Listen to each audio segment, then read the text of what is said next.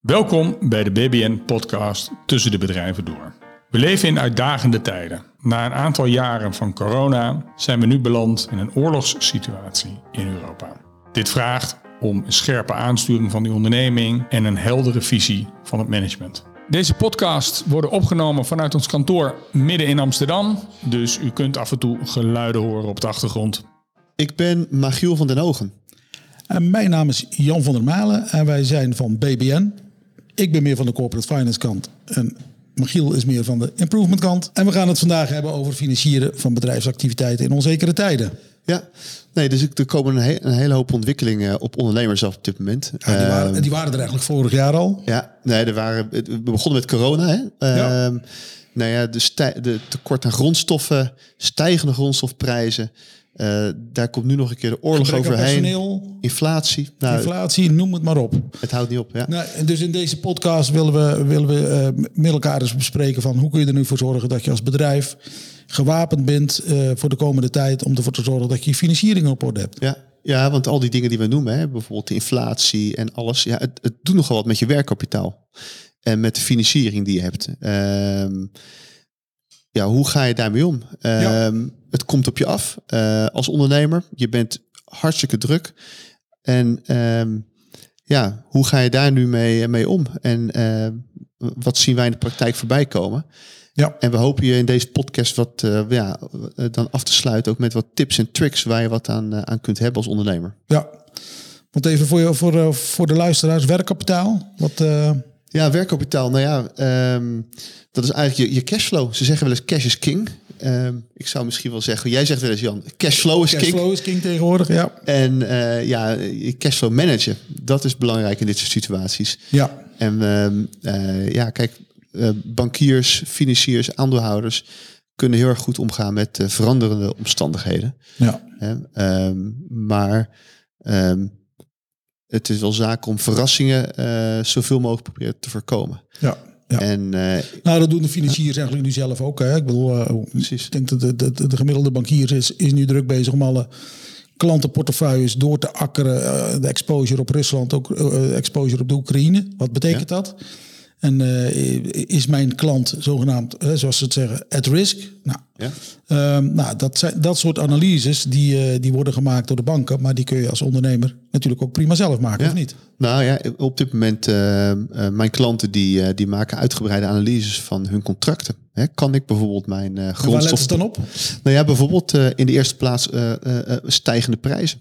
Kan ik dat in alle gevallen wel, wel doorrekenen Ja. aan mijn klant? Ja, Ehm, ja, ehm, eh, als je het hebt over leveringen van grondstoffen, als die ehm, eh, grondstoffen, staal bijvoorbeeld, hè, eh, nikkel, de nikkel die, die gaat helemaal door het dak.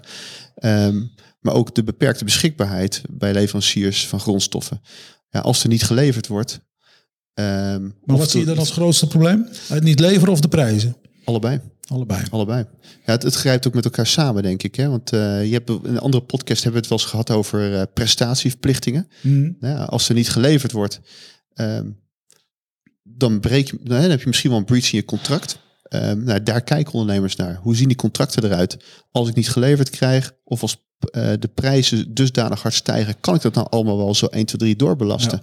Of kan ik dan nog leveren als het zo duur wordt? Hè? Eh, wat, dat soort zaken. Maar eh, die prijzen kun je toch indekken? Of lukt het dan niet meer? Nou ja, dat, eh, dat is niet alle, in niet alle gevallen lukt dat. Nee. Nou ja, op dit Eh, moment zien we dat- eigenlijk bij onze klanten dat eh, het zijn dagprijzen. Of je nou in de papier zit, aluminium, ja. de nikkel, noem het maar op. Ja. ja, en de brieven van leveranciers komen ook binnen. Hè, dat Ja. het inderdaad dagprijzen worden. En dat het kan worden herzien. Ehm, Ja. ja, nee, dat klopt zeker. Maar dat, dat zijn allemaal, daar, daar heb je eigenlijk geen invloed op. Hè? Dus, dus, dus, dus het is belangrijk dat je iets doet. Dat je aan de slag gaat en zorgt dat je invloed uitoefent Ja. op wat er op je afkomt. En hoe je daarmee omgaat. En ze zeggen wel eens een keer, je kunt niet... de- Je kunt, niet, je kunt niet bepalen hoe de wind waait, maar je kunt wel bepalen hoe je de, de zeilen zet. Nou, dus eigenlijk gaan we nu hebben over hoe je de zeilen zet met veranderende wind. Ja, ik denk ehm, eh, dat het begint bij je gaat te spelen met eh, hoe zien nou je, de verschillende scenario's eruit die je aan je hoofd hebt. Eh, je gaat met een team van, eh, van mensen binnen je bedrijf, denk begint mee, eh, ga je om de tafel zitten en vanuit verschillende invalshoeken ga je eens kijken van, eh, nou, welke scenario's hebben we nou? wat als de, hè, de inflatie met een x percentage toeneemt? Wat, wat is onze verwachting daar nou uh, daarover? Um, grondstofprijzen, materiaalprijzen. Wat verwachten we dat die gaan doen? Ja. Wat verwachten jouw leveranciers? Hoe zien jouw leveranciers de levering de komende tijd?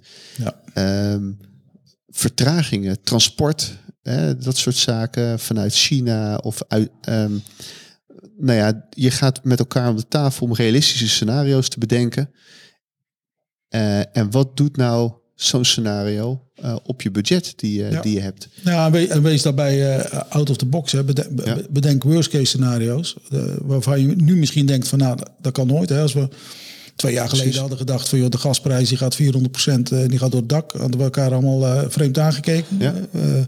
Als we over een inflatie hadden gesproken van 7,5%, hadden we ook gedacht van, nou ja, weet je, we mogen blij, zijn, als, we mogen blij zijn als we de, de ECB-doelstelling van 2,5% halen. Ja. Uh, en kijk, kijk nu, dus weet je, wees niet voorzichtig met je scenario's. Ik, ik denk wel dat het goed is om daar wel een bepaalde waarde aan te hangen. Dus, dus, als jij zegt van nou, ons, ons scenario worst case is dat de grondstofprijzen nog met, met, met 20% eh, toenemen. Hoe groot is de kans dat, hoe groot schat je de kans in? Nee, eens. Um, en ga daarover dat soort dingen met elkaar in gesprek. Ook op een gegeven moment, hè, je komt tot een juist scenario. En je kan best wel eens echt een worst case scenario hebben waarvan je denkt dat het gaat niet lukken. Um, een management case, zoals we die mooi noemen, hè, waarvan jij denkt van nou dat is, dat verwacht ik wel realistisch. Um, en ga met, je, met de partijen in gesprek uh, over het, het, het, nou ja, welke, welke dingen heb je ingebouwd in je model. En dan op een gegeven moment um, ja, daar kun je wat mee. En, en, um... Nou ja, je kunt in ieder geval, eh, het, het, het, je kunt ermee, uh, je kunt kijken wat voor effect heeft het op je cashflow. Ja. En wat betekent dat voor mijn verplichtingen die ik over twee of drie of vier of vijf maanden heb? Kijk, ja. ik denk dat het heel erg lastig wordt om twee jaar vooruit te kijken. Ja. Uh, in, deze onzekere tijden. Maar ik denk dat het, je moet als ondernemer zeker minimaal één, twee kwartalen vooruitkijken naar uh, wat jouw verplichtingen zijn en hoe je daar kunt voldoen. En neem daar ik, ik zou ook altijd zeggen, neem daar je financieren mee in dat soort scenario's en dat soort verwachtingen. Ja, zorg eigenlijk dat je de financiering, in welke vorm dan ook, of dat een bankaire financiering is of via de aandeelhouder, een stukje, neem, als je partijen meeneemt in, uh, in, jouw, um, in, in, jouw verwachtingen, um, zorg ervoor dat je, je financieringsstructuur op orde is en future-proof is, zou ik zeggen. Dus um, uh, laat je niet verrassen. Je, je, het, het kan mee of tegen zitten. Maar zorg ervoor dat je daarvoor voldoende funding hebt, voldoende cash hebt. He, dus je kijkt naar uh, ook de structuur van je balans. Hè. Zijn nou mijn uh, assets optimaal gefinancierd?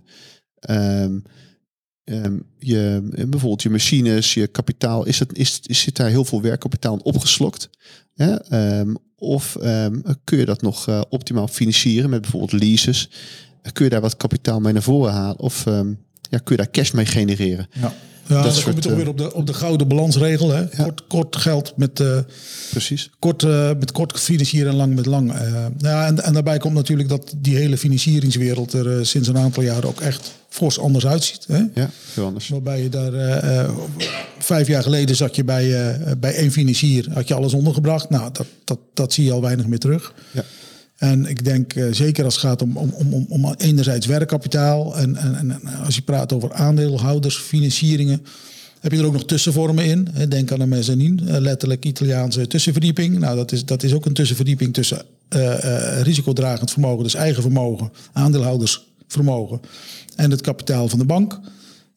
die leunen juist heel sterk op de cashflow. Dus ja. dan, zullen, dan zullen je de robuustheid van je cashflow moeten kunnen aantonen. En anderzijds heb je aan de andere kant van het spectrum van de financieringen, financiers, heb je de eh, echte uh, asset-based ja. financiers die veel meer leunen op je, uh, je assets. Uh, dus dan moet je veel meer aantonen van nou, hoe zitten mijn afnemerscontracten in elkaar? zijn die, zijn die überhaupt, kan er überhaupt gefinancierd worden op basis van die afnemerscontracten? Dat soort zaken. Ja, ja en ik denk wat, wat dan een, een belangrijk punt is, is um, er is een hele grote hoeveelheid aan smaak op dit moment aan, uh, aan soorten financieringen. Um, hoe past het nou allemaal bij elkaar, hè, die financieringen? En hoe grijpen die contracten met elkaar samen? Um, bijvoorbeeld, uh, um, als jij een, een, een, een, een, een financiering hebt, um, waarin is afgesproken dat uh, assets niet verpand mogen worden aan andere, ja. aan andere banken. en jij denkt, nou ja, ik ga mijn assets ga ik leasen. Ja, let op, dat, let op je contracten die je hebt. Kijk dan wel heel goed naar alle uh, contracten die je hebt, naar je structuur. Ja. Uh, laat er ook, uh, ja, laat er, neem er echt wel de tijd voor. Zorg dat je wel een optimale structuur hebt ook. Dat als het een keer, ehm, ja, als dat worst case scenario zich toch voordoet um, en je moet met, met, je, met, de, met de bank in gesprek, dat daar niet dat het goed op elkaar aansluit. Ja, maar jij bent nu ook concreet bezig met de ja, partij. Ja. Die, die, nou, die heeft een slechte periode achter de rug, maar uh, zit nu in de goede flow. Ja. En de, daar heb je bewust gekozen om, zeg maar, de, de, om echt richting asset-based finance te gaan. Ja. De verschillende. En, wat valt je daar op aan de verschillende partijen? Nou ja, de partijen die kijken veel meer naar de assets. Hè? Um, en daar zitten wel heel veel uh, verschillende smaken in.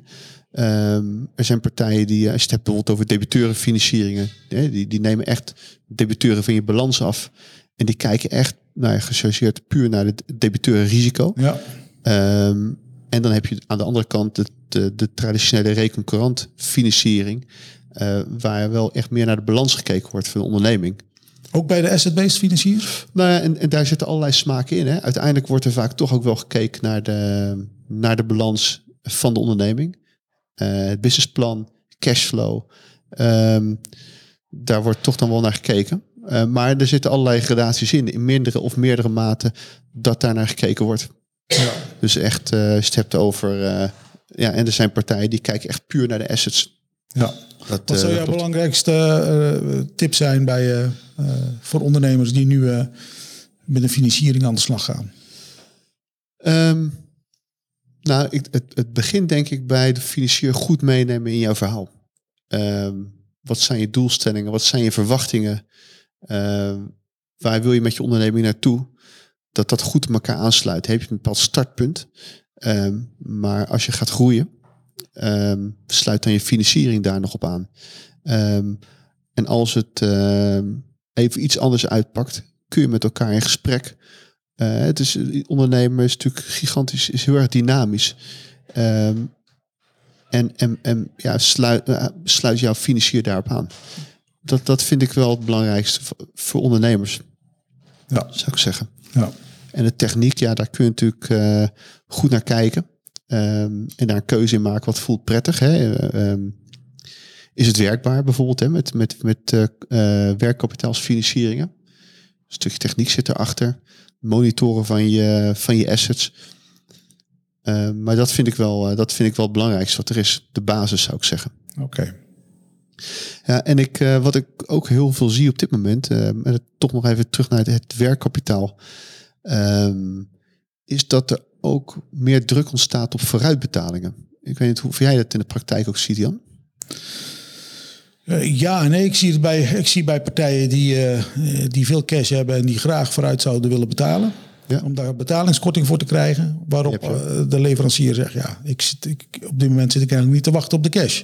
Nee, nee, uh, nee, dan moet ik weer de negatieve eh, rente gaan betalen. Dus ja. ik, ik, ik, zie daar verschillende, verschillende bewegingen. Ja. Uh, wat, ik, wat, ik, wat ik zie is dat er nu ook wordt gevraagd, omdat ja, er zijn zoveel ontwikkelingen gaande op dit moment. Als er een, een mooie order wordt geplaatst en er wordt om een vooruitbetaling gevraagd, om te kunnen gaan produceren uh, wordt er al heel veel gevraagd om garanties van banken. Dat is wel een trend die ik ook zie. Um, en, dan, en dan komen we toch weer terug op die financieringsstructuur. Als dat de trend is en je verwacht dat, ga met je, met je, met je klant ook in gesprek met je af. Eh, zorg ervoor dat je weet wat er speelt in je branche. En zorg dat je dan ook die ruimte hebt bij je bankier. Als je een onderhandeling bent met een klant, dat je garanties kunt geven. Ja. Dat is ook wel een, uh, wel een belangrijk punt op dit moment. Ja, nou, dus, dus, dus concreet zul je uh, uh, één, je zult moeten zorgen voor een goede scenarioanalyse. Ja. Um, ik zou denken, betrek er ook een partij bij die misschien jouw bedrijf van buiten af bekijkt. Hè? En, en, en ja. soms ontstaat er toch een bepaalde mate van bedrijfsblindheid. Uit de scenarioanalyse komt, komt naar voren wat jouw werkkapitaalbehoefte is, wat je cashflow, uh, hoe je cashflow eruit ziet. Op basis daarvan kun je kijken naar je balans. Ben ik op een juiste wijze gefinancierd? Uh, kan ik daar uh, mijn lang geld misschien op een andere manier vormgeven? Je hebt het al even genoemd, de leases. Ehm, en er komt ook eigenlijk naar voren van ja, eh, eh, kan ik misschien niet beter kijken naar eh, eh, specifieke eh, asset-based Ja. financiers die toch net die die materie wat beter onder, eh, eh, hoe noem je dat, onder de knie hebben dan, eh, dan, dan, dan een gewone bankaire financiering. Daar ook wat verder in durven gaan. Maar dan moet je ook goed uitkijken of, of, of, of je dat soort zaken kunt verpanden. En of jij niet in een financieringsconstructie met je bank zit. Waar juist die eh, assets een belangrijk onderdeel van uitmaken. Want Ja. dan- snij je jezelf in de vingers. Goed je contract eh, eh, beoordelen. Net zoals je als ondernemer de contracten met jouw klanten beoordeelt. Ja. Vergeet niet je contracten voor de financiering die je hebt. Ja. ja, en ik denk, en dan kom je weer een beetje terug op het, op het, op het, op, het zeilen, op, op hoe, je de, hoe je de zeilen zet. Weet je, als het echt gaat stormen, ja, dan leg je een riv in je zeil. Ja. Of je, je zorgt dat, de- dat je minder zeilen hebt. Maar het aller, allerslechtste wat je kunt doen is helemaal geen zeil hebben. Dus zet, dus zet als ondernemer desnoods je stormfokje op. Waardoor je toch nog wat wind in de zeilen houdt. En, eh, en zorg dat je nog vooruit komt. eh. dat Mooie metafoor Jan. Met, mooie metafoor. Ja. mooie metafoor denk ik om af te sluiten. Precies, dus, eh, ja. Hartstikke goed. Dankjewel. Dankjewel.